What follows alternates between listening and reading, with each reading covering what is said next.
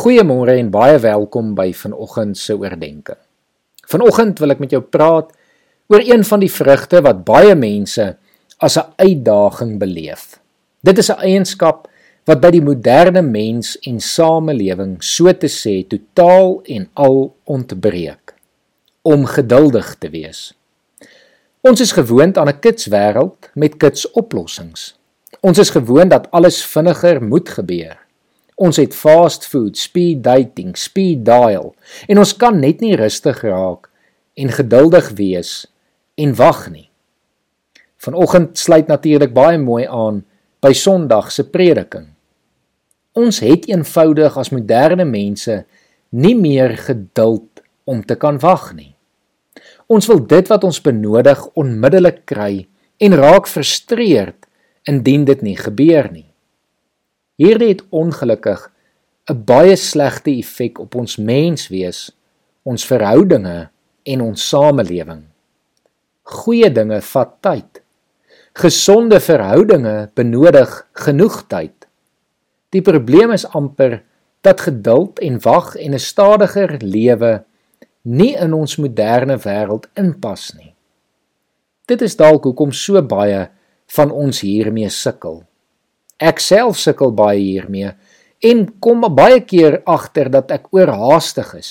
Ek probeer alle gesprekke kort hou want ek het nog iets om te gaan doen, nog iemand om by uit te kom, nog iemand om mee te praat. Elke taak probeer ons so vinnig en effektief as moontlik afhandel sodat ons die volgende taak kan aanpak. Miskien het ons nodig om te besef dat die rede hoekom ons sukkel met geduld ons in 'n samelewing ingekoop het wat te veel in 'n beperkte tyd wil indruk. Miskien is dit tyd om anders te begin dink en anders te begin leef en ons prioriteite anders te begin opstel. Die vrug van geduldig wees is met baie groot rede deel van die vrug van die Heilige Gees. Iets wat die Heilige Gees in ons lewens in ons binneste wil inwerk.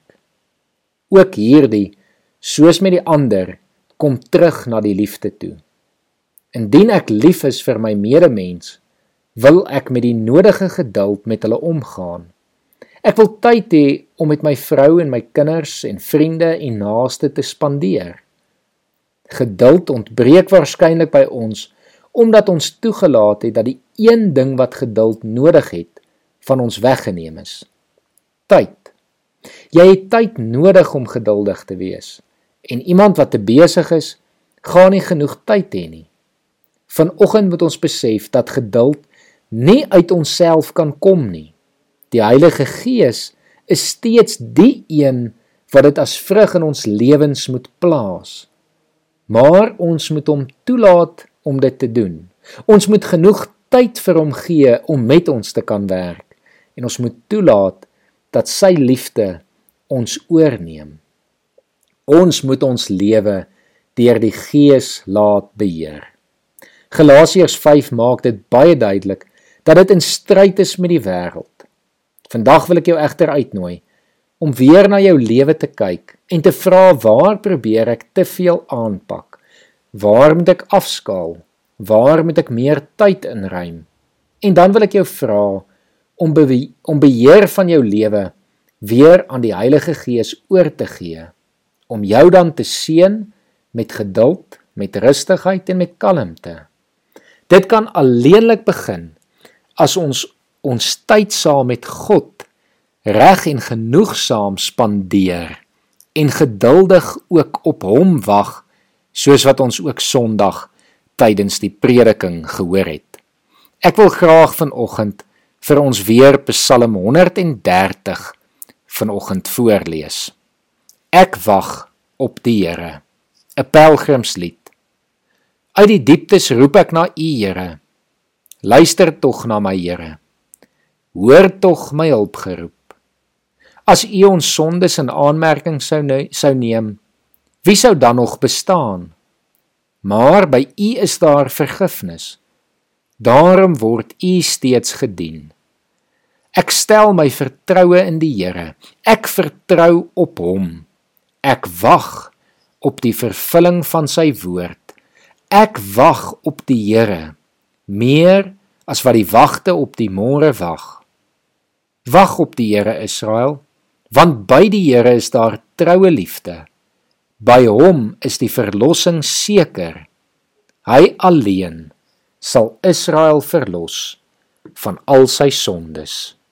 Wag op die Here. Kom ons bid saam.